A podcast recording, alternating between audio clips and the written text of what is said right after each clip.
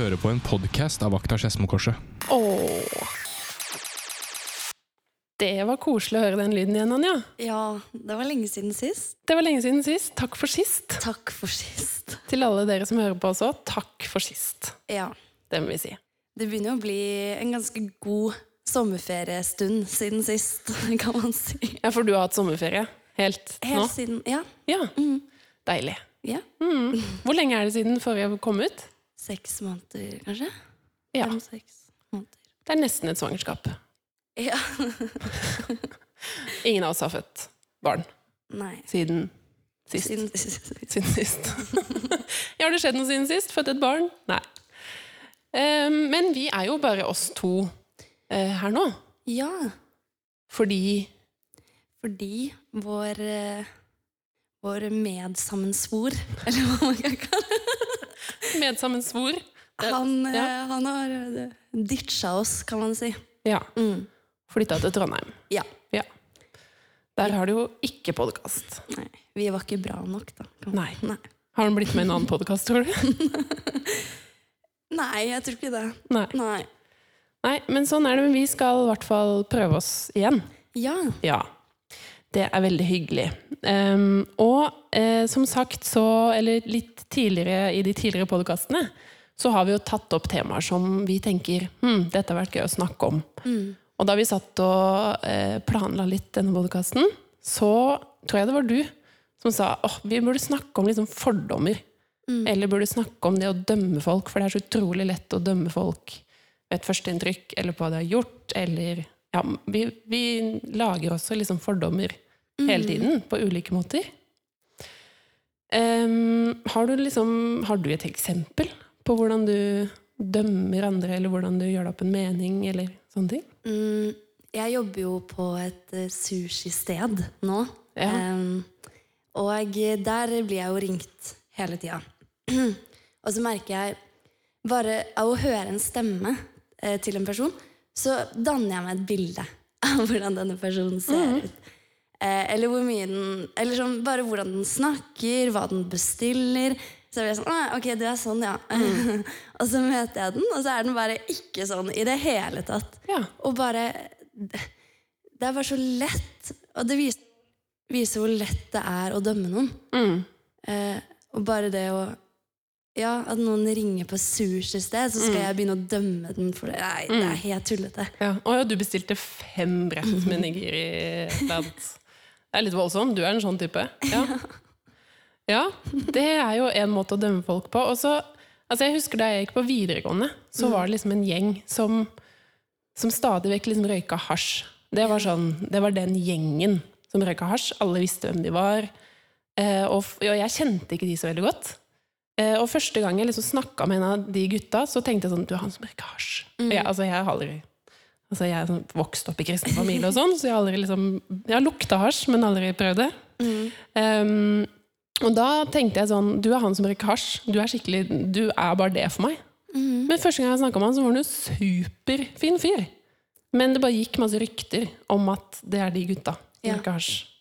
Det er så lett å bare sånn sette et stempel, og så møter man Møte de med det stempelet, liksom. Ja, det er akkurat det. Men vi har jo eh, Vi er ikke helt alene her i studio. Eller her på Emmaus, for dette er jo live. Vi har faktisk med oss publikum i salen. Kan vi få en, et lite wo, eller noe? Kan vi få et lite wo, eller noe? Ok, der er vi. Det er hyggelig. Og, så de er jo med oss. Og så har vi jo fått inn ikke en stand-in for Johannes, for du, du heter jo ikke Johannes. Du heter Andreas. ja, ikke sant. Eh, og du, Andreas, eh, vi skal bli litt bedre kjent med deg utover eh, i denne podkasten. Men aller først så har vi lyst til å stille deg noen litt sånn artige spørsmål. Ok? For det første, hva lukter det hjemme hos deg? Ja, det lukter vi, har, vi har en liten baby som Ja. Det lukter litt gulp iblant. Og så Ja. prøver jeg å vaske det. Men eh, så gulpes det litt igjen. Mm. Så det lukter litt gulp. Men eh, jeg tror det lukter mer liksom ganske rent. Ganske rent med innslag av gulp. Ja. Deilig. Deilig. det er jo ingenting som lukter så digg som gulp og Nei. babybæsj. Det, er også- ja, det lukter litt babybæsj. Ja. Mm. Mm.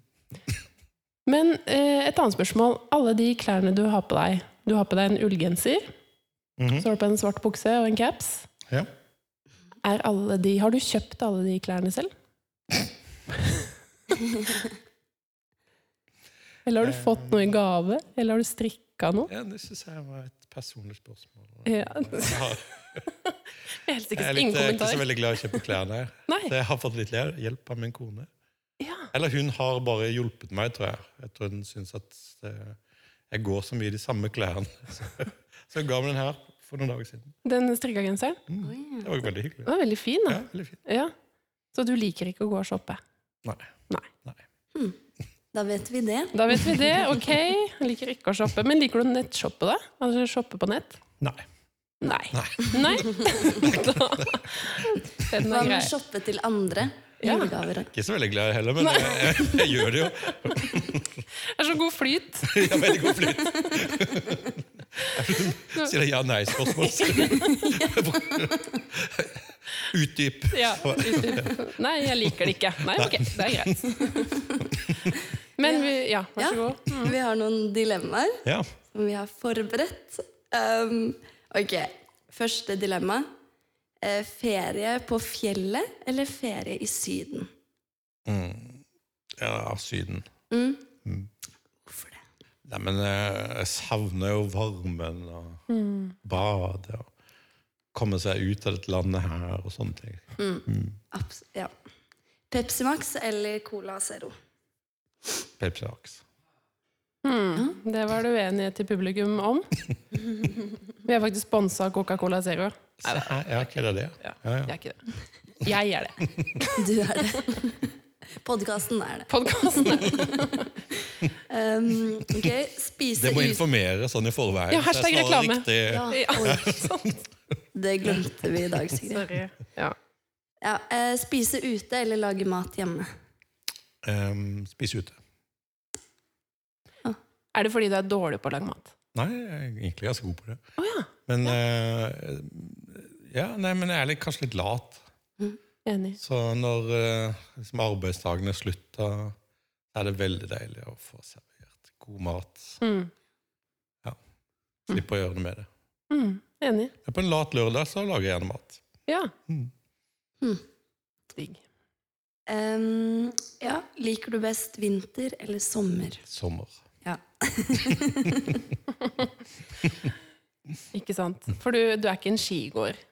Jo, egentlig er det, altså. Oh, ja. Ja, Ja, men du liker Du vil helst ha ikke- sommer og helst til Syden, men du elsker å gå på ski? ja eller det er dalene. Jeg elsker det mer før. Ja. Mm. Det er sånn som skjer med alderen, det. Ja, det er kanskje det. Ja. Ja. Nå hørtes det ut som du var veldig gammel. Det er du jo ikke. Hvor gammel er du? Nei, jeg er jo litt gammel. Jeg er 48. Ja, men hallo. Det er Det ikke, er ikke så gammelt. Nei, det nei er ikke så gammelt Og hvor er du fra? Dialekt og sånn? Jeg er fra et sted som heter Birkeland, som er eh, ja, utenfor Kristiansand. Ok, Sørland. ja, Mm. da De som ikke ja, sør i landet. da. altså. Sør i landet. Birkeland. Birkeland. Det er jo en fin dialekt, da. Liker den. Ja, Du, du er sånn passe fornøyd med at du fikk den? ja. Ja. Ja, Egentlig, ja, altså, jeg blir så mobba for den der skarre-r-en. Det er liksom eh, altså, Får jeg ikke til å rulle på r-en. Ikke jeg heller. Ikke du heller. Det er bra.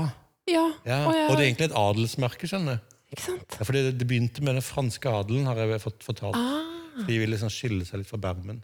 Så har det blitt overført til Sørlandet. Sørlandet. Ja. Ja. Sørlandet er egentlig, er liksom egentlig litt bedre, men folk skjønner det ikke. Nei. Det er problemet. Ja, for du, du har jo en unnskyldning. Du kommer i hvert fall fra et sted. Jeg kommer fra bygda Sørumsand og Skarpæren. Det er ingen Ja, det er litt feil, ja. Det er litt feil, ja. Og jeg har fått hørt det. Får du Om ikke det. til, for du får ikke til. Nei, jeg får det ikke til. Eller jeg, prøver, Nei, jeg kan prøve. prøve. Sigrid. Prøve Sigrid. Sigrid. Sigrid. Ja. Ja, det funker. blir pinlig når jeg prøver. Ja. Men du Andreas, vi har jo invitert deg hit fordi du har en veldig eh, spennende og interessant historie. Um, og um, jeg gleder meg. Det har, jeg har faktisk gleda meg til å snakke ordentlig med deg. Og um, jeg tror du har noe å lære oss i løpet av kvelden. Em, og i løpet av denne podkasten, for dere som hører på. Det er ikke sikkert det er kveld for alle som hører på. Um, men vi har med oss deg i dag, Andreas, som gjest. Og i et intervju med Aftenposten i september i fjor, da kan vi lese følgende om deg. Andreas Ribe Nyhus synes fortsatt det er vondt å snakke om drapsnatten.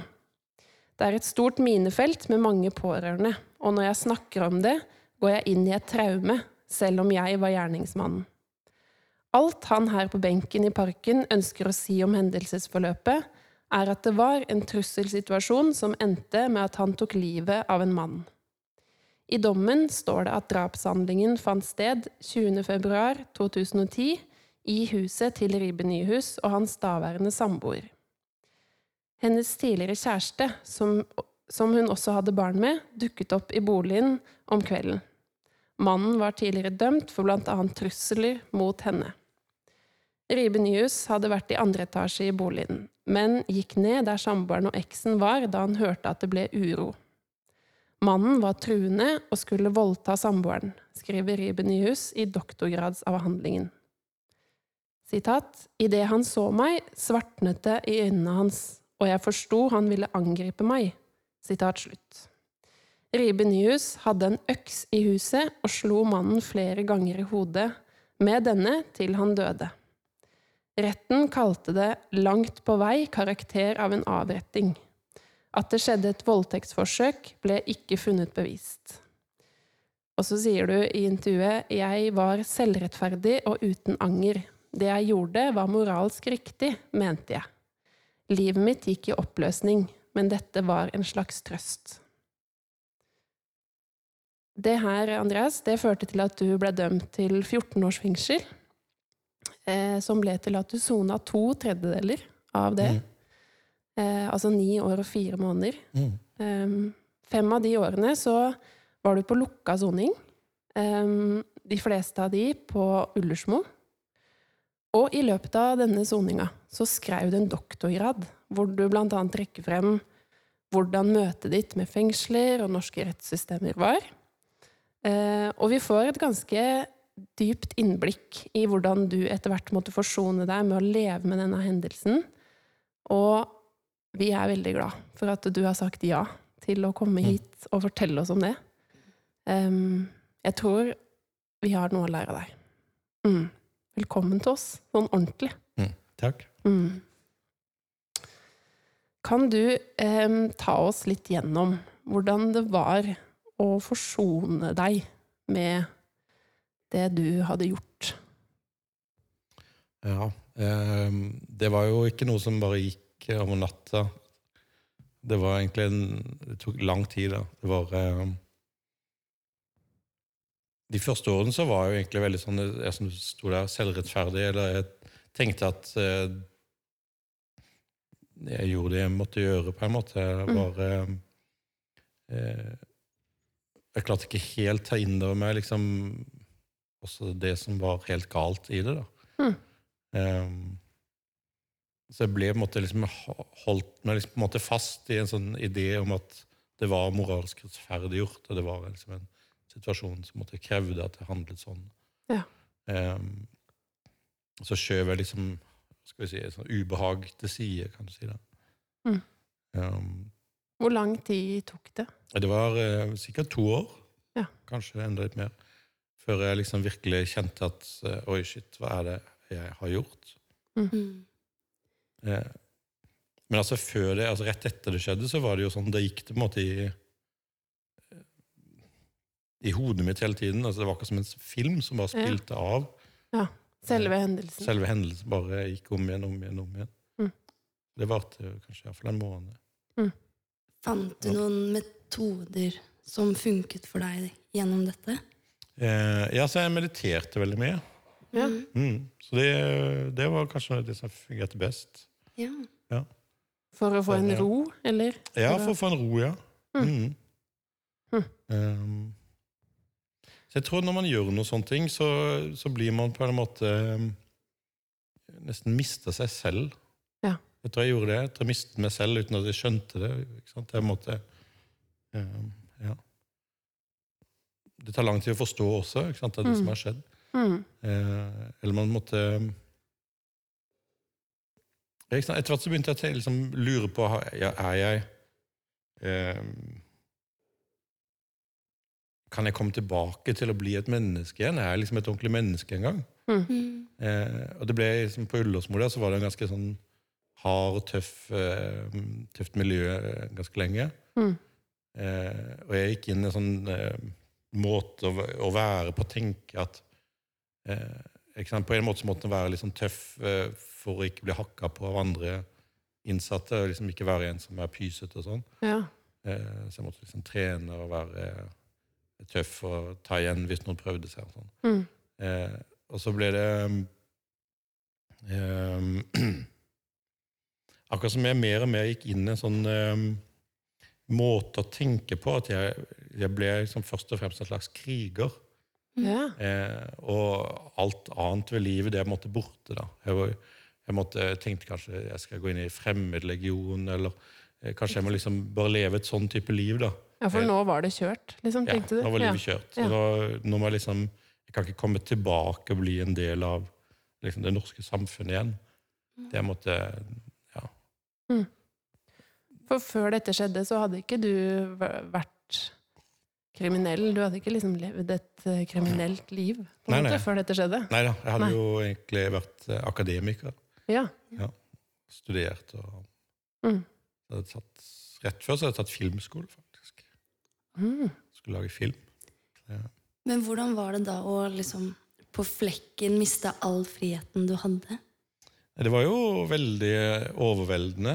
Mm. Så, men det ble liksom, ikke sant, det ble måtte, to veldig overveldende ting på en gang. Det var liksom det jeg hadde gjort, som på en måte var i hodet mitt. Og, eh, og det tok nok mest eh, som på en måte mest fokus i starten.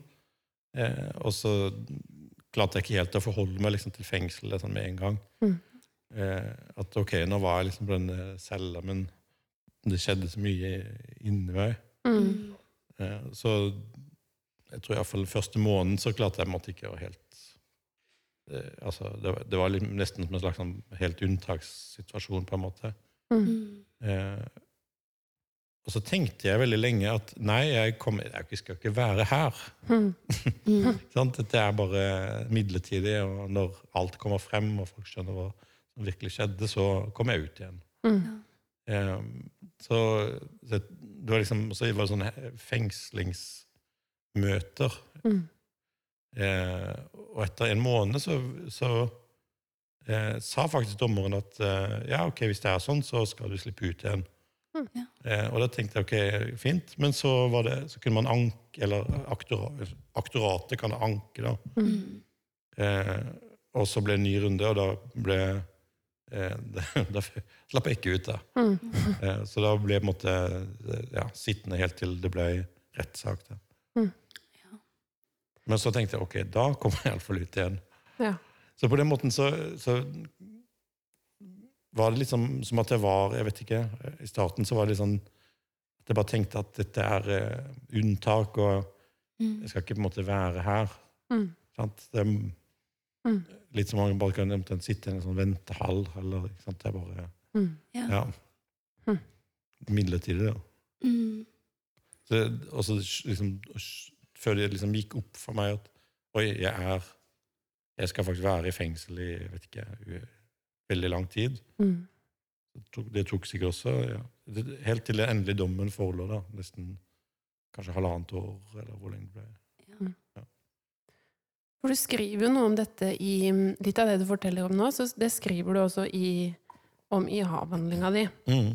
Der skriver du at eh, etter at jeg hadde kommet meg over det første sjokket og fått en slags grovorientering i forhold til fengselslivet, følte jeg et behov for noen å snakke med. Mm.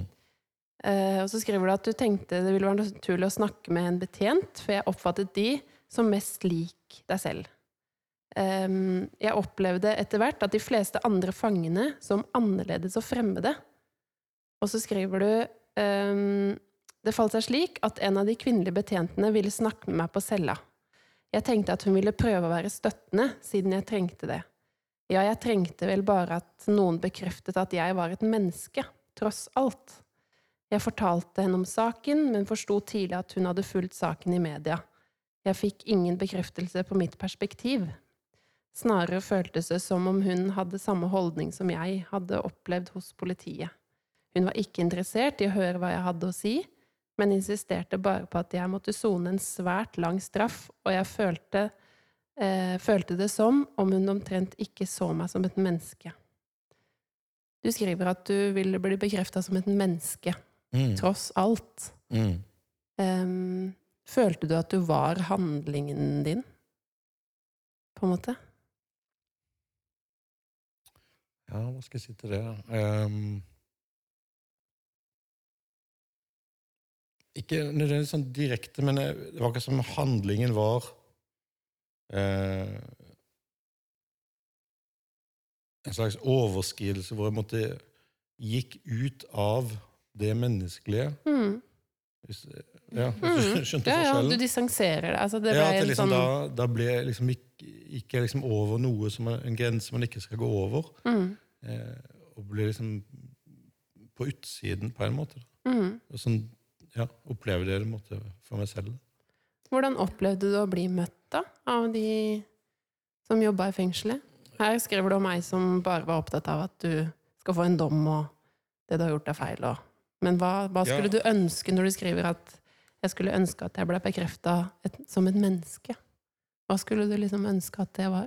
Eh, nei, altså, jeg, hadde, jeg skulle Ja, at noen kunne gjøre det, da. Mm, Eh, men sånn var det ikke. mm, Det, det, kanskje det var litt tilfeldig òg, jeg vet ikke helt. Men uh, i hvert fall det jeg møtte, var litt sånn mm, eh, På en måte litt sånn hardt, eller eh, det, er også dem, det er også dere, på en måte. Eller eh, dere er de fæle fangene, og ja. vi jobber her, liksom. Og vi Ja, for du blander oss på en måte ikke ordentlig med dere. Der, eller, ikke sant? Vi har ikke noe sånn ja, ikke sant? Ja. Her er det en, et tydelig skille, liksom. Ja. ja, for du skrev jo også at når du fikk ringe, og så ringte det en kompis, og han ble helt sjokkert over at du hadde gjort det, at det føltes Mm. som en bekreftelse på at du var et menneske. da. Ja. Mm. Et godt menneske. Mm. Mm. ja. For det var kanskje vanskelig å få den bekreftelsen inne i det fengselet. Ja, altså det, det ble en sånn veldig rar dobbelthet. For at man kunne snakke med fangene om det man hadde gjort, men da var det liksom eh, Da var liksom på en måte moralen snudd på hodet. Eh, og det var eh, sant, Da var det 'Å ja, så tøft du gjør det', ja. Å ja. ja, for da hans Ja. høsta du kred, liksom? Ja, Ja. Sant? Så det, det var på en måte Men det var ikke det jeg trengte. ikke sant? Det var, ehm,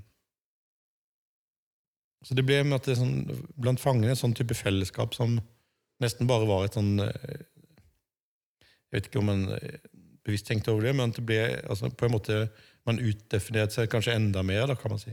Mm. At, eh, man lagde et fellesskap med å være liksom, på måte på utsiden av både samfunnet og moralen. Mm. Ja, ja. Mm. Og, og, ja, også på den andre siden med betjentene, at det var måte ikke sånn at eh, Iallfall de jeg møtte der, da, så var det måte Det er jo ikke alle, er jo selvfølgelig ikke sånn, men eh, Mm. de jeg møtte liksom i, i, i min vei der, Mm. var, eh, var det slik at ja, de var hovedsakelig interessert i å liksom bare vise at du er bare en av fangene, og ikke noe mer enn det. på en måte. Mm. Mm. Men altså, du blir da satt i varetekt. Det er der man kommer først når man kommer inn til fengsel. ikke sant? Mm, det det. Um, og da skrev du at du uh, i løpet av et døgn så satt du 19 og en halv time inne på cella. Mm. Hvor lenge gjorde du det? Jeg tror jeg satt i ca. sju måneder på den måten. Så. Altså Det jeg kan om fengsler, da, Mm. det har jeg sett på film, på en måte. Ja, ja. Eh, og det tipper jeg Det er jo ikke Flesteparten av oss har jo ikke vært i fengsel. Eh, og hvordan er det å være 19,5 time inne på en celle? Nei, du blir jo litt sånn sprø av det. Ja. Eh, og så er det jo litt tung luft. ja. Det er trangt, og det er akkurat som cella eh, passiviserer. Man blir på en måte Man orker liksom ikke gjøre noe når man er på en celle. Det, man blir dyttet på en måte ned altså, eh, mot senga, kan du si. ja. Nesten alle bare ligger på senga hele tida. Ja. Eh, så når du er så lenge på cella, så ligger du jo du, altså, Alle får vondt i ryggen. og Man har sånn dårlig, dårlige senger og sånn tynn skumgummadrass. og Ja. Så alle liksom klager på vond rygg, og så får man smertestillende for det vonde ryggen. Altså. Fordi man ligger så mye stille, Ja. og så ja. Så har du gående ikke sant? Ja. ja en sånn dårlig spiral. Da. Så eh, i- varetekt så driver folk og spiser veldig mye, og så har det fått såkalt fengselsmage. Oh, ja. Fikk du det? Nei, for jeg så jo på de andre, så tenkte det der Nei, det, det, Sånn skal jeg i hvert fall ikke Sånn skal jeg i hvert fall ikke. Så jeg jeg bestemte meg da. Den første måneden var liksom bare kaos, men etter å ha gått en måneds tid, så, um, så, jeg tenkte, så jeg liksom, Da hadde jeg prata med alle mulige, og jeg liksom skjønt hva som foregår, og hvordan, hva gjør de på cella. ikke sant? Og, Mm. Veldig, veldig mange, du får så mye, de har masse, ikke sant? Det er ikke så mye, ja, det er ikke så mye god mat ute og går, men det er en måte, man kan få så mye brød man vil. Så kan du få så mye sånn First Price syltetøy som du vil. Ok. Så da tar jo folk med seg et brød og en Ja. sånn bøtte med sånn syltetøy. og så ligger de og så momser de der brødet og syltetøyet der, og så ligger de på senga. Ja. Eh, og så vokser magen. ja, så vokser magen. Ja. Så ja, det, jeg gadd ikke være med på det der, da. Nei. Så jeg bestemte liksom at ok, jeg skal ehm, tvinge meg til å sitte i den vonde stolen hver dag. ja, Det- for dere hadde en stol også. Ja, det er en sånn plaststol Ja. Som eh, ikke var noe god, men det, ok, det var en stol, da. Mm. Eh, og en, en pult. Ja. Så Og der skal jeg sitte til klokka fire. Ok. Ja. Men hva gjorde det med resten av opplevelsen i fengsel? Forma det deg på noen som helst måte? Altså Det gjorde jo at jeg tenkte at ok, nå må jeg bare bruke den tiden. Ehm, ja, så ja, på den måten så, så prøvde jeg. Altså, det, er det er ikke så lett å sitte og skrive sånt eh, på en sånn celle, for du blir sånn, du blir sånn Det er liksom som at du er veldig ikke, sant, du, ikke du har sovet omtrent et døgn. Det føles litt på lignende måte at eh, det er sånn vanskelig å få fokus. Det er veldig sånn tungt, på en måte. Så det er, det, det er liksom krevende å få den konsentrasjonen. Da. Ehm. Men jeg tror, ok, når det er sagt, så tror jeg jeg faktisk er litt heldig. Altså, eh, på den måten at eh, ikke sant, jeg har studert filosofi, jeg har med meg har liksom, ja, Jeg kan bare sitte og tenke på ting og synes at det er gøy. Det, det, så det kan jeg i timevis. Ikke sant? Det, ja. De fleste andre sitter i fengsel, har ADHD og ekstremt ekstroverte. ikke sant? Og Sitte med seg selv, det er på en måte ja, det er helt forferdelig. Eh, Mens jeg kan jo faktisk synes det er helt deilig å sitte Ja, for meg sjøl. Så, eh, så på den måten så tenkte jeg at ok, ja, ja, ja. når det er blitt sånn, så, så tror jeg jeg er i stand til å håndtere det ok. da. Ja, for akkurat det skrev du litt om at når du ble flytta fra denne ene selv, ja, mm. så måtte du på en selv... Eller der det var masse andre folk, og at det nesten var verre Mhm. for deg. Mm. Ja, for det har kommet en sånn boavdeling Ja. hvor man er mer ute. Eh, og da er det veldig bråkete, i hvert fall var det det der. Det er litt varierer fra avdeling til avdeling, da. men det kom til en ekstremt bråkete avdeling der hvor alle løper rundt og hoier og banker i dørene og skriker til hverandre. Det er liksom ah, Det er liksom ikke ørens ro noen gang. Og når, når endelig låses, så, så roper man fra celle til celle. Da. Ja. og så, så banker man selv sånne radiatorovner. Ja. Eh, og de banker man på da, og lager sånn bankesignal. Så det, dunk, dunk, så det hele tiden hører sånn Er det et språk? Eller sa man ting gjennom den radiatoren? på en ja, det, Jeg tror egentlig det var mer litt for å irritere. Litt eller, irritere, jeg tror ja. kanskje.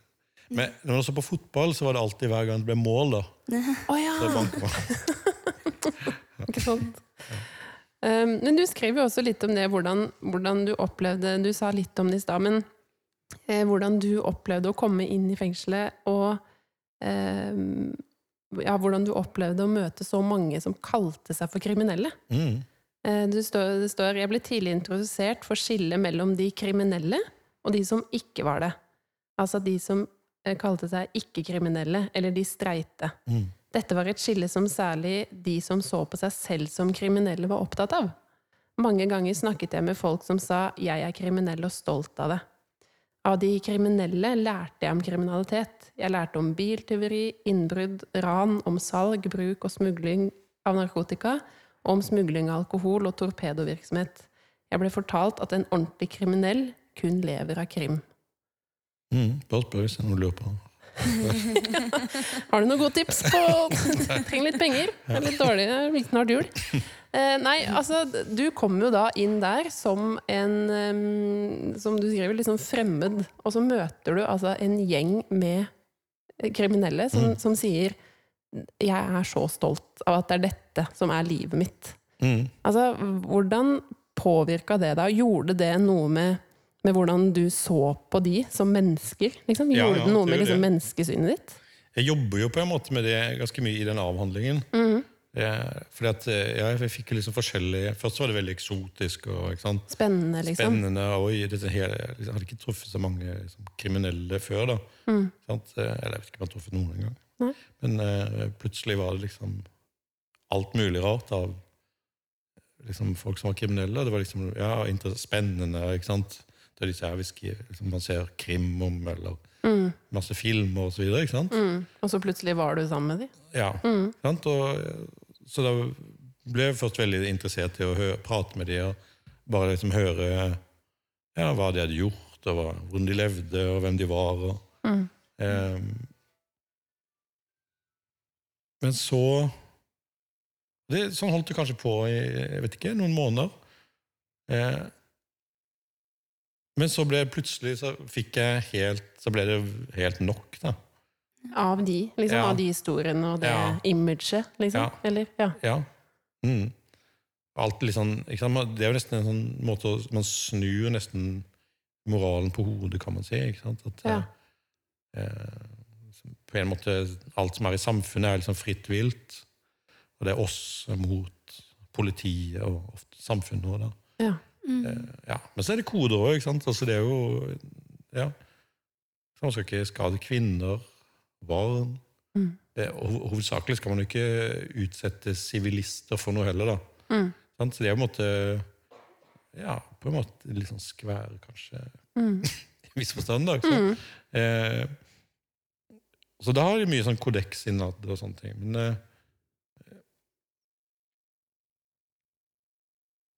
Ja, jeg merka at jeg liksom Jeg fikk Etter hvert så ble det ikke bare eksotisk, men det ble liksom Jeg kjente egentlig sterk motvilje, da. Mot å være sammen med de? Eller mot å Ja, bli kjent ja, med de? ja, eh, Ikke nødvendigvis å være sammen med dem, men det at når man var sammen, så ble det mye sånn en slags idealisering av det livet. Ja. Sant? Av, av de kriminelle verdiene. Mm. Eh, alle historiene som ble fortalt, og liksom hvor Ha-ha, hvor gøy det var å lure purken denne gangen, eller Mm. sant, for det kjørte seg for fort, eller hva det enn var, da. Mm. Eh, eller smugla så og så mye. Og, ikke sant? Det- mye sånn Alle disse historiene ble så Og så skulle man le, da. Ikke sant? For da ah, det var, ja, for det var Mm. liksom Gi en slags anerkjennelse. Mm. Eh, Fikk du Ja, unnskyld. ja. Nei, fikk du noen gode venner? Altså eh, Du skriver jo noe om eh, ja, hvordan du fikk servert historier, og du tenkte sånn Dette er jo det villeste, liksom. Men, Mm. men fikk du Blei du liksom godt kjent, og eh, har du fortsatt kontakt med noen av de du satt inne med? Ja. Ja. ja, jeg har det. Med en god del, egentlig. Mm. Mm. Og noen ble jeg veldig gode venner. Mm. Mm. Hva var det som var viktig for deg i Altså, hvorfor fant du tonen med noen, liksom? Altså, jeg gikk jo gjennom forskjellige faser. En periode som jeg ble, liksom, følte at jeg ble veldig sånn krigersk. Mm. Så følte jeg var kanskje der jeg var tettest på mange av de liksom hardkokte kriminelle. da. Og begynte å tenke at ok, da kanskje de har skjønt, skjønt noe som jeg ikke helt har skjønt, og kanskje, de, kanskje det er det at nå er jeg måte ute av samfunnet, og jeg har ikke noe vei, det er ikke noen vei tilbake. ja. Mm. Så jeg må kanskje tenke, nå er, nå er det den retningen jeg også må gå. da. Eh, ikke nødvendigvis at jeg trenger å bli helt kriminell, men at jeg kan liksom lære av Så jeg tenkte at jeg skulle bli kriger. da. ja. Mm. Eh, ikke sant? Og veldig mange av de som er måte, kriminelle, er veldig tøffe, på en måte.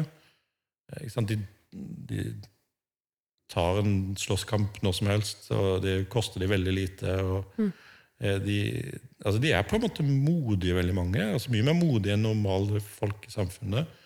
Eh, og de eh, ja, De har noen kvaliteter som man kanskje kan tenke også er liksom bra. Mm, som man gjerne skulle hatt bitte litt av? på en måte? Ja. Mm. Eh, så jeg begynte liksom å Det, det som hadde vært liksom en slags en avsky en periode, ble da en, en, liksom, si, en dypere fascinasjon Mm. i stedet. Og jeg tenkte at nå skal jeg prøve å bli sånn. Så jeg lærte meg hvordan eh, Hvordan kan man snu f.eks. Um, redsel til sinne? Det jo, kan Ja. være nyttig, det. Mm. Mm. Hvis du blir veldig redd, noen skremmer deg, så kan du i stedet eh, lære deg å bli sint. Mm. Og dermed bli aktivt handlende da, i stedet for å bli passivisert. For eksempel. Mm. Ja, i I situasjoner. I truende-situasjoner. Mm. Mm. Mm. Mm. Ja. Mm. ja. Men de du fant sånn ordentlig tone med, da, og de du fortsatt har kontakt med den dag i dag, hva var det som Eh, Ja, så Den perioden der så, Mm. var, så hang jeg jo med litt sånn ganske tøffe gutter. da Som var liksom eh, ja, liksom tunge narko Eller høyt oppe i narkohierarkiet og i torpedo og sånn. Mm. Så noen av de har jeg fortsatt kontakt med. Mm. Eh, ja, men de er vel kanskje Det er jo litt sånn de som har De som ønsker å fortsette å leve som aktivt kriminelle, syns det er litt vanskelig. mm. Mm. Det blir på en måte Det går ikke helt, syns jeg. Men det er jo flere som har Ja, ikke sant, de har De prøver å leve et vanlig liv, da. Mm. Så da syns jeg det går. Mm. Så fint. Ja. Mm. ja. Mm. Du snakka jo litt, litt om det i stad, men det der med å eh, vente på en dom, Mm. og at det var litt sånn Ok, men jeg skal ut igjen, da. Eh, men da når du faktisk fikk dommen, og at Mm. det ble så lenge, Mm. eh, hvordan var det? Nei, det var jo eh, Det var på en måte egentlig et sjokk. Mm. For jeg trodde ikke det skulle bli sånn. Nei. Eh, og det kom jo i to runder, på en måte. Da, ikke sant? For det første var det måte, tingrett, og så ble det lagmannsrett. En stund etter der, så først fikk jeg liksom en dom, og så tenkte jeg ok, men jeg holdt, jeg liksom holdt jeg håpet oppe, da, for jeg trodde at ja, ja, men det blir jo rettet opp i lagmannsretten. Eh, så først Det var liksom ja, det, Jeg tror det gikk cirka halvannet år var det liksom før den helt endelige dommen forelå. da. Ja. Eh, og, først, og da gikk jeg veldig i kjelleren. da. Mm. Eh, for da skjønte jeg jo at ok, ja, dette er 14 års fengsel, og det er jo Det føltes så langt som at jeg, jeg klarte ikke å se enden av det. Nei. Det var bare liksom et svart hull. Hm. Eh, så ble det slutt med hun kjæresten jeg hadde vært sammen med. Ja. Og da ble det plutselig Ja, så gikk det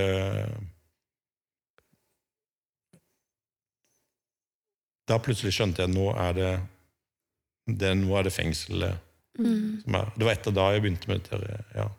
Etter jeg egentlig kanskje en måned eller to bare vært Jeg lå nesten bare på cella og klarte ikke å liksom gjøre noe særlig. Så begynte den her litt sånn den krigerske Måtte våkne i meg, da. kan man si. ja. Så da, ja, da, ja, var da jeg kom dit, på en måte. Skjønner. Men 14 år um, og et svart hull, på en Mm. måte, som du beskriver. uh, hvor lang tid tok det før du tenkte sånn Ok, det kommer et liv etter fengselet? Mm. Nei, altså, det gikk jo iallfall fire år. Etter at du fikk dommen? Ja, et, Ja, tre Kanskje rundt tre etter dommen, ja. Mm. Mm. Mm. Og da Mm. klarte du å tenke at en dag skal jeg ut igjen? Mm.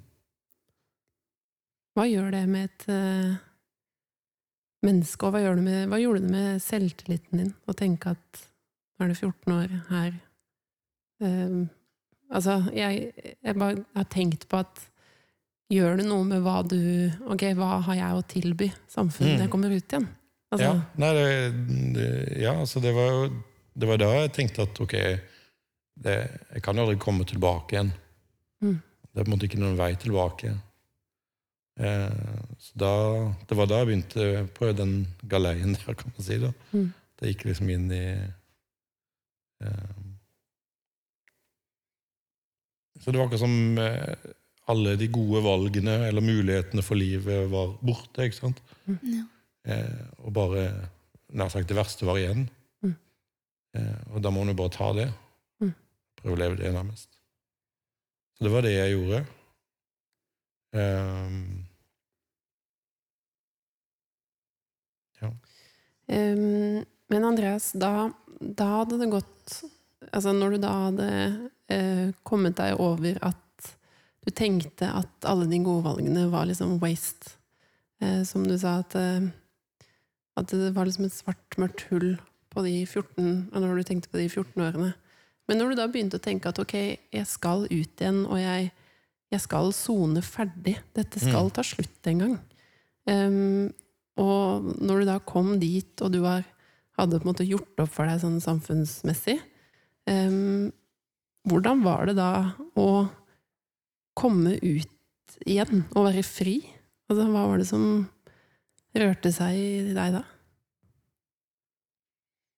Ja, vi hadde faktisk en stor uh, frigjøringsfest Ja, den dagen jeg slapp fri. Oi. Så det var veldig stas. Og inviterte folk, Ja. eller? Ja. Ja. Det var over 100 som kom og feira, så det var stas.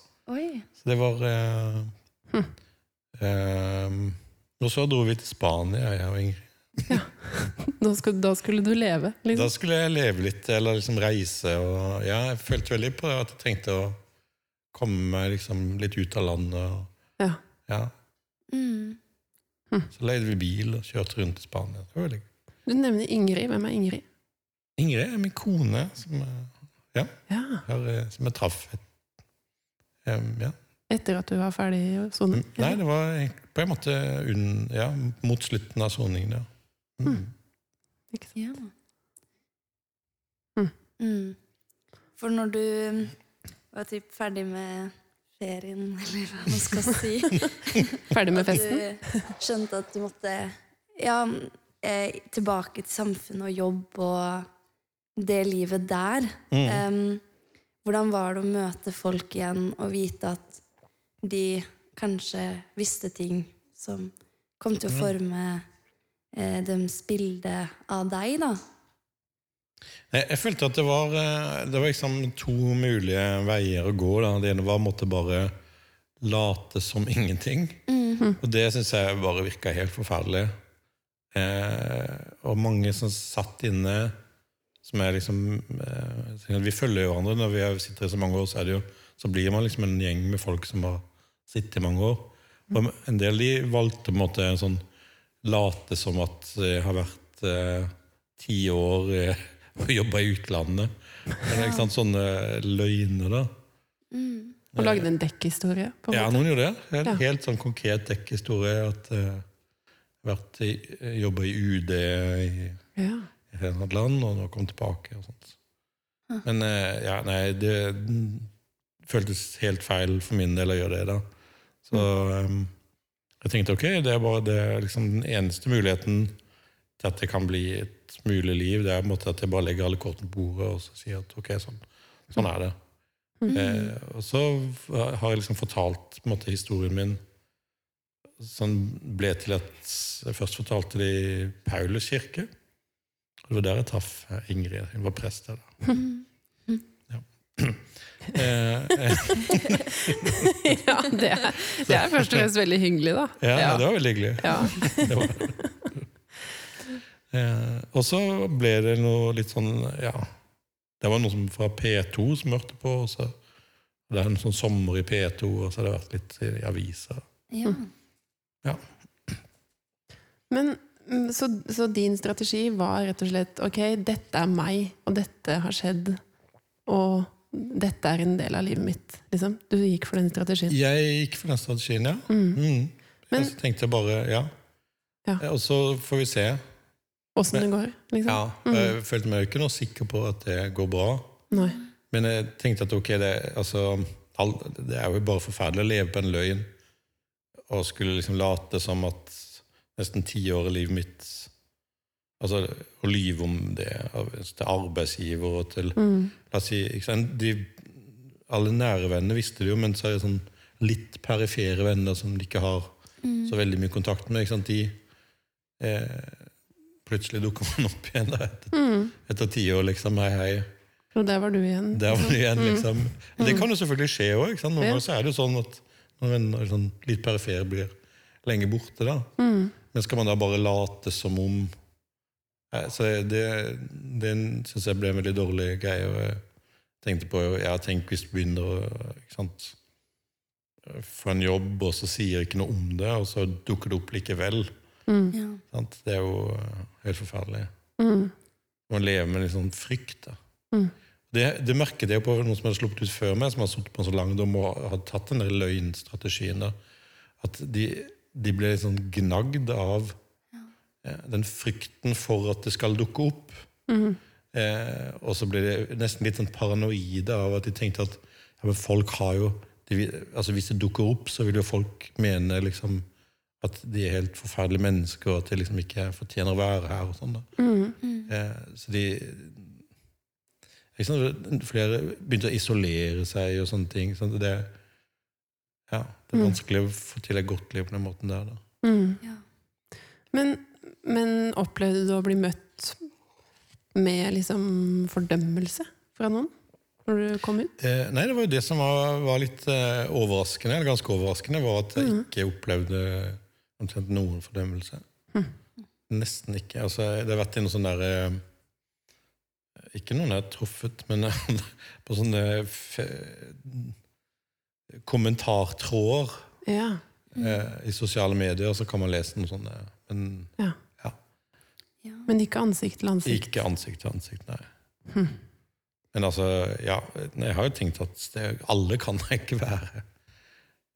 Altså, Noen må jo være litt sinte, eller et eller annet, men jeg har iallfall ikke møtt det foreløpig. Så Men eh, hvordan ønsker du å bli møtt med det her? Um, Nei, altså, Jeg kan nesten ikke si noe annet enn at sånn jeg har blitt møtt, har vært helt kjempebra, egentlig. Mm. Ja, det har vært veldig, jeg har følt at det har blitt tatt veldig godt imot. Mm. Eh, Jeg, kan ikke, nei, jeg, synes ikke, jeg, synes ikke, jeg ønsker ikke på noen annen måte, egentlig. Mm. Nei.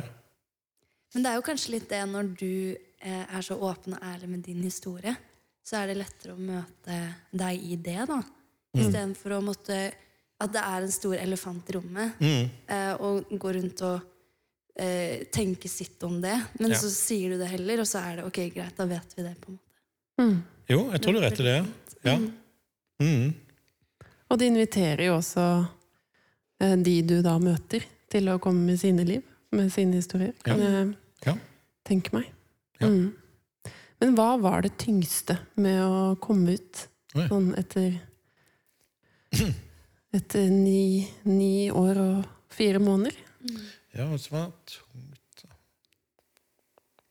Altså, jeg sleit jo litt sånn med teknologi, og så sleit jeg litt med eh, Jeg hadde fortsatt litt sånn eh, sånn hang til å tenke litt sånn det verste om folk, eller tenke at eh, Jeg husker jeg liksom, i begynnelsen tok jeg liksom trikk og T-bane, sånn, så så jeg liksom folk andre, og tenkte er det noen her som kommer til å angripe meg? Liksom. Ja, ikke sant? Ja. Ja. Fordi du var redd for at folk visste eller blei Nei, Eller- fordi jeg bare var vant til det fra fengselet. Ja, ikke sant? Ja. Liksom være litt sånn klar. ja. Eh, så eh, så den tenkemåten hang litt i, da. Mm. At, at eh, eh, det er jo alltid noen som prøver seg litt, eller eh, som man skal være oppmerksom på. og sånne ting der, ikke sant? Mm. Eh, men det var faktisk Ingrid veldig flink Da. Ingrid. Veldig, Ja. Mm. Til å klare å snu den tankegangen. Ja. Mm. Mm. Men jeg har lyst til å snakke med deg litt, Andreas, om um, Fordi da du satt Altså, du er vokst opp i en kristen familie, Mm. Em, men så em, forlot du troen en periode. Og Ja, ganske valgte å Ganske lenge. Hvor mange år da, Oi. um, tror du? Eh, Det var vel fra videre, slutten av videregående Mm. til um, ehm, Ja, helt til Jeg var med på en sånn retreat i fengsel. Ja, for det skriver du Mm. også om i avhandlinga di. At, eh, at eh, du var med på noe de kalte for en til... Eller du skriver at det var en tilgivelsesseremoni. Ja. Mm. Kan du ta oss litt gjennom hvordan, og hvem, hvem er det som Er det en fengselsprest som inviterte til det? Eller hvordan, og hvordan så det ut? Um, altså, den der retreaten var på en måte ja, Det var to prester da, eller, eh, som, som hadde, var eksterne, som hadde måttet lagd den i, i eh, Hallen fengsel, som jeg var da. Ja, i Halden. Ja. Nå er det bygd ut mer, så nå er det, det er blitt en, liksom en suksesshistorie. der da. Ja. For de som ikke vet hva retreat er, hva er det for noe? Retreat eh, kan jo være mange forskjellige ting, men eh, det er jo en sånn ja, her I samfunnet er det jo Oppsøker man kanskje et sted og er drar på retreat. Ehm, den typen retreat som vi hadde, var en såkalt ignatiansk retreat. da. Mm. Eh, Ignatius fra Munch, 1500-tallet. Jesuit. Mm. Som da har lagd en sånn på en måte ja, Du skal gjennom sånne daglige øvelser som handler om å møte seg selv, eller utvi- selvutvikling. Eh, vi fikk det presentert som noe eh, eh, som egentlig ikke kristent, men som noe eh, mer sånn eksistensielt. Noe som handler om eh, å utvikle liksom vår, ja, skal vi si, vårt forhold til oss selv, da, for eksempel. Mhm. Ehm, ja, så ok, jeg, jeg ble med på det, og det, jeg ble kanskje mest med fordi at det, der fikk vi lov å ha en egen luftegård. Vi kunne lufte så mye vi ville. Oh, ja. Så du så ditt snitt til å Jeg så mitt snitt til å liksom feriere litt, tenkte jeg. også. Det var midt på sommeren, Ja. og det var kjempevarmt. Og i Mm. 2014, da var det supervarmt i Ja. Norge. Det var sydenvarmt. Mhm. Eh, med bare én time lufting som man normalt har i fengsel, da, så er det liksom Ja, det, det blir veldig lite, da. Mm. Plutselig kunne vi ha liksom time etter time og ligge i sola og sånn. Mm. Det var jo helt Mm. himmelsk. Mhm. Så ja, så ok, vi skulle ha tre uker der, da. Eh, og da ble også fortalt at vi må være stille. Og så skal vi gjennom sånne øvelser hver dag, og noen sånne ritualer, da. Ja. Så um, Og ganske fort så tok dette opplegget meg, da. Jeg liksom ble Syntes det ga mening, og jeg ble med på det ordentlig. da. Mm. Eh, og etter en eh, liten uke så skulle vi eh, ha noe som ble kalt et eh, eh, ja, Det ble kalt et tilgivelsesritual. Ja. Um, og ritualet var egentlig sånn at vi skulle skrive ned syndene våre, som vi da liksom um, Det gale vi hadde gjort. Mm. Eh, ikke nødvendigvis alt, men det viktigste. Det største. Det største. Mm. Og så skulle du skrive ned den, og så Og så eh, skulle ikke noen lese det, skulle jeg bare skrive alt ned og putte det i en lukka konvolutt. Mm. Eh, det skulle henges opp på et kors, og så skulle vi ta det ut i luftegården og brenne det. Mhm. Eh, og da skulle vi få tilgivelse. Mm. Og tenkte jeg, ja ja, det høres jo usannsynlig ut. Mm. Eh, men jeg ble nå med på det, og skrev og skrev og skrev. Og skrev, og jeg liksom følte jeg kom enda dypere ned i eh, det jeg hadde gjort, eller den handlingen. Mm. Eh, og um, ja, jeg brukte jo sikkert et døgn på å skrive. Ja. Skrev masse. Ja. Eh, og så kommer den dagen vi henger opp, eh, og vi går ut liksom, i luftegården der vi Det er vel åtte stykker som er med på denne retreaten, pluss de to eh, eh, prestene. Mm. Eh, og så eh, skal vi liksom Alt skal brennes skal ned i en sånn sinkbøtte der, som de bruker der for å brenne, og så fyrer de opp. Mm. Så går presten og så legger han hånda på skuldra til hver av oss og sier 'dine syndere', eller gir sånn synsforlatelse. Mm. Eh, og det underlige da, det var at i det han gjorde det, Mhm. så følte jeg plutselig at det ble borte. da. Det var ikke som at eh, Mm. jeg faktisk Det føltes som jeg ble tilgitt. Det var eh, veldig rart. Eh, og det føltes som det var noen som tilga meg. Det var ikke bare liksom noe, noe, noe inni meg. Det var ikke bare du som sa det til deg selv? Nei, liksom? det var ikke det. Mm. Det var veldig sånn tydelig at jeg ble tilgitt av, av en, Mm. Eller av noen. Mm. Um, og det, det, skjønte jeg at det er Gud. Mm. mm så plutselig så eh, måtte jeg liksom eh, skal jeg si Kom tilbake til Gud. Mm. Mm. For hva var det som da Altså idet det skjer, da, idet du opplever at ok, dette må være Gud som tilgir meg Mm. um, en, altså, Hvordan endra det synet ditt på Gud som du nå har, eller som du hadde da du trodde eh, Du sa at du hadde trodd fram til du gikk på videregående, cirka. Altså en lang periode hvor du ikke trodde. Mm. Og så er det en ganske sånn dramatisk tilbakegang, på en måte. Eller sånn, Mm. ok, så skjer det idet du mm, brenner syndene dine. Mm. Eh, Hva gjorde det med liksom bildet ditt av Gud? Jeg måtte jobbe litt med det og diskutere det med han presten. Jeg hadde en daglig samtale. Ja. Ehm, for jeg, han sa noe veldig fint, at eh, eh, vi må ta liv av våre forestillinger om Gud, Ja. for de er nesten alltid feil. ja, Så hvordan vi ser for oss Gud, de er ofte feil, på en måte. Veldig ofte feil. Ja. Ja. Og det tror jeg han har helt rett i. Mm. Vi gjør Gud for liten eller eh, for dømmende. Eller, jeg hadde en veldig sånn dømmende forestilling om Gud. Ja. Jeg er oppvokst på Sørlandet, i, sånn, i bedehusmiljøet der, som er egentlig litt sånn, kan man si, litt pietistisk. Eh, og da er Gud streng og dømmende, og ser dine tanker, og, Mm. eh, og særlig tanker eh, mer enn handlinger, får man Mm. følelse av.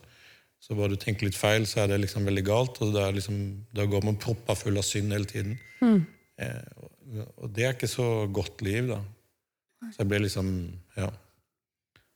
Tok avstand fra det eh, ja, videregående. Eh, og hadde mye motstand mot kristendommen i mange år. da. Mm. Eh, fordi jeg tenkte at det var liksom, en fæl religion som egentlig bare trykker folk ned og beskriver liksom mennesket som egentlig er et Mm. fantastisk vesen, som er syndefullt og usselt og nedrig.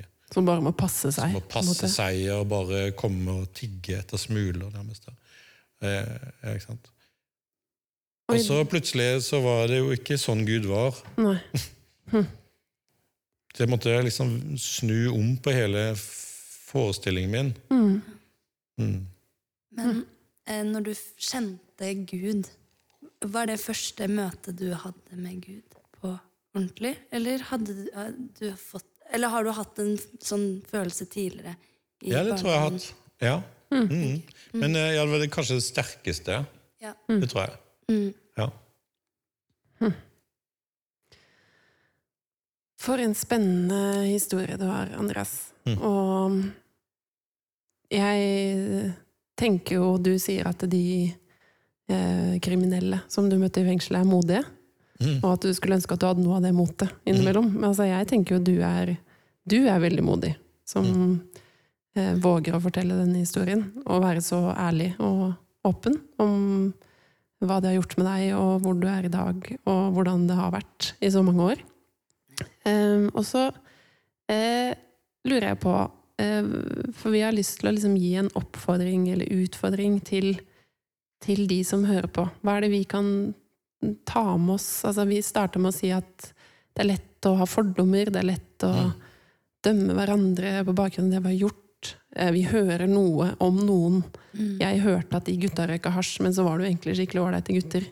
Um, hva er det du tenker at vi Hva er det vi skal ta med oss i dag? Eller sånn, hva, hva vil du oppfordre oss til, da?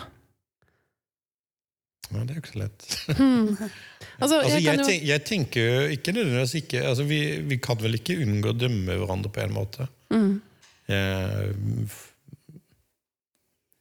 men det går jo an å lytte mer, kanskje. mm. Mm. Men noen ganger er det jo riktig å dømme hverandre litt òg, er det ikke? Jo, det er kanskje det. Ja. Så ja, vi kan jo ikke være helt liksom Altså, vi Vi klarer jo ikke å bli fordomsfrie. Vi Nei, vi gjør ikke det. Vi kan jo ikke bare godta hva som helst, Mm. nærmest. Mm. Er Men- Men hva har vært eh, et siste spørsmål, da? Eh, Hva er det som Altså, hvilke venner er det du har i din krets som du kjenner at ok, disse, disse er viktige for meg å ha i livet, og hvorfor er de viktige for deg å ha i livet? Det kan vi gi en oppfordring om. Altså, hva skal man, Ja, sånn. Hva skal man eh, bevare? hva skal man bevare? Ja, hva er det som har vært viktig for deg Eh, jeg har hatt noen veldig gode venner som har fulgt meg hele tiden i fengselsårene og kommet på besøk. Mm. Eh, en god venn kommer en gang i uka på besøk hele tiden. Og, eh, og flere som har kommet eh, månedlig, og så ofte de er kunder og sånne ting. Mm. Eh, og det har vært veldig Det har liksom vært Veldig lenge var det det som holdt fast i meg, liksom. Mm. Eh, ja. Ehm, så det er jo kanskje ekstra viktig når man har det veldig tungt og vanskelig, tror jeg. Eh, at det er da man virkelig sånn, trenger de gode vennene som bare er der og eh, kanskje bare mm, be- bekrefter hvem man er, det mest. Mm. Og ikke krever så mye. Ikke Eller? krever så mye, ikke dømmer så mye, bare ja, Mm. er en venn. Mm. Som lytter. Ja, absolutt. Ja, det var jo viktig. Mm. Mm. Ja. Og det at kanskje man, man er ikke handlingen, da. Mm. At alle kan Mm. gjøre feil, og Mm. selv om du har gjort noe slemt, så betyr det ikke at du er et slemt menneske. Nei, det gjør det ikke. Men det er lettere å begynne å tenke det. Ja. eh, etter man har eh, gjort noe fælt. Og det er liksom lett å komme på en sånn eh, Ja. En sånn handling som jeg gjorde. Jeg, altså det, jeg kjente på den tanken mange ganger at eh, kanskje dette liksom sier hva jeg egentlig er. Mm. Sant? Eh, det liksom, jeg har liksom skjult, jeg har liksom holdt nede eller holdt borte dette egentlige, og nå plutselig kommer det frem. Mm. Eh, ja, så det er jo liksom sånne, sånne tanker kan man måtte komme inn i. da. Mm. Det er jo kanskje bra å komme ut av igjen. Ja. Det oppleves jo i hvert fall som at du har kommet ut av de tankene. Mm, Sånn som ja, du snakker, og hvordan du har blitt møtt, og hvordan du Ja, du trekker jo inn Ingrid her. Hvordan Mm. hun var en viktig brikke i det å Mm. realitetsorientere deg, på en Mm. måte. Ja, det. Um, ja, ja, ved hjelp av gode venner Mm. støtter og Mm. på besøk. Mm. Mm. Åh, dette har vært fint. Ja, det må jeg si. Og så Mm. tar vi med oss oppfordringa om å lytte. Lytte mer. Og være der for hverandre. Og Mm. ikke alltid kreve så mye, men bekrefte. Det er fint. Det er fint. Mm. Da blir det jo spennende å se når neste podkast kommer, da, Anja. Ja. Blir vel om seks måneder, da? Nei, vi får håpe det er litt før. Ja. Men vi kan ønske lytterne en god jul, eller? Ja, kan vi jo gjøre. Ja, Plutselig så kommer det en podkast i romjula. Hvem vet? ja hvem vet. Det blir jo kjempespennende. Andreas, tusen takk for at du tok deg tid til å komme hit. Ja, virkelig. virkelig. Takk for at jeg fikk komme. God jul! God jul!